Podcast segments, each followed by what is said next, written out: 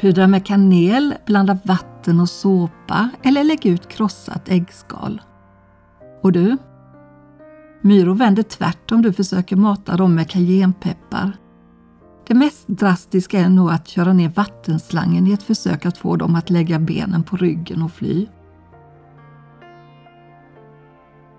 Men hallå, vet du inte om att myror är bra att ha i en trädgård?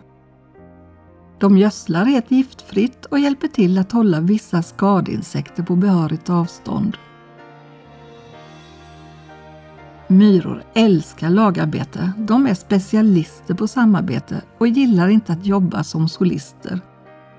Utan arbetar mot ett gemensamt mål när de bygger upp sina kolonier. Visst är det häftigt? Och vad mer?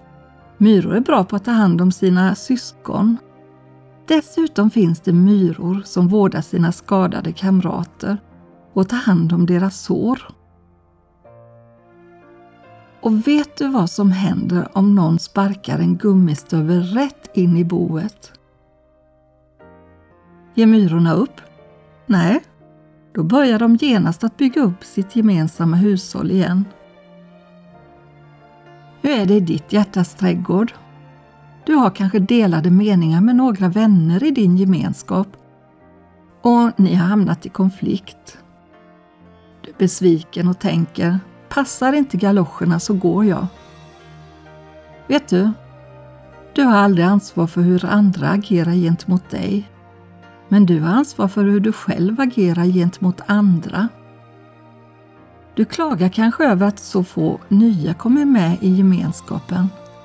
Kanske är den bittra sanningen att Biggan är arg på Putte och Putte i sin tur är sur på Fina eftersom Finas åsikter verkar vara lite viktigare än övrigas.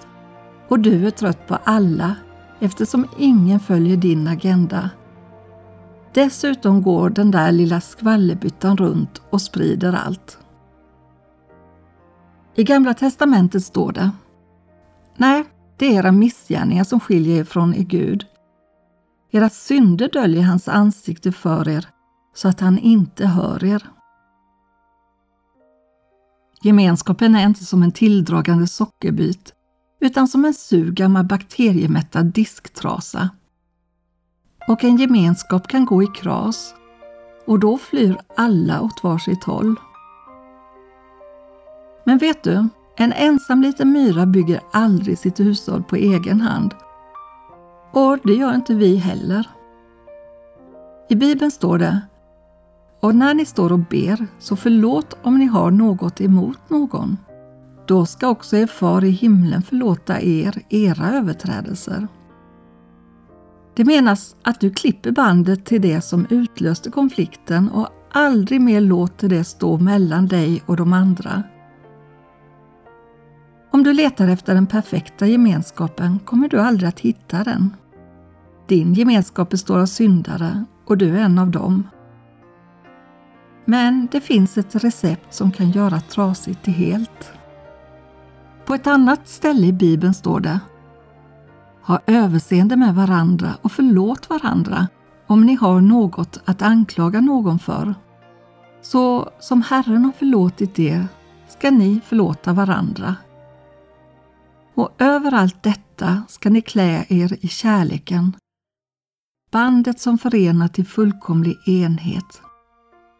Och du, om din gemenskap har gått i kras, gör som myrorna, samarbeta med de andra och börja genast bygga upp vänskapen och er gemenskap igen.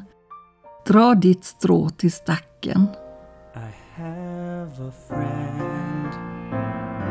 Who loves me as I am He is my Lord, my shepherd, I his lamb I have a friend who wants the best for me. He knows my soul and sees all I can be to show us how to live. He came with so much love to give. My friend who listens to my prayer, my Savior, He is always there. Friend.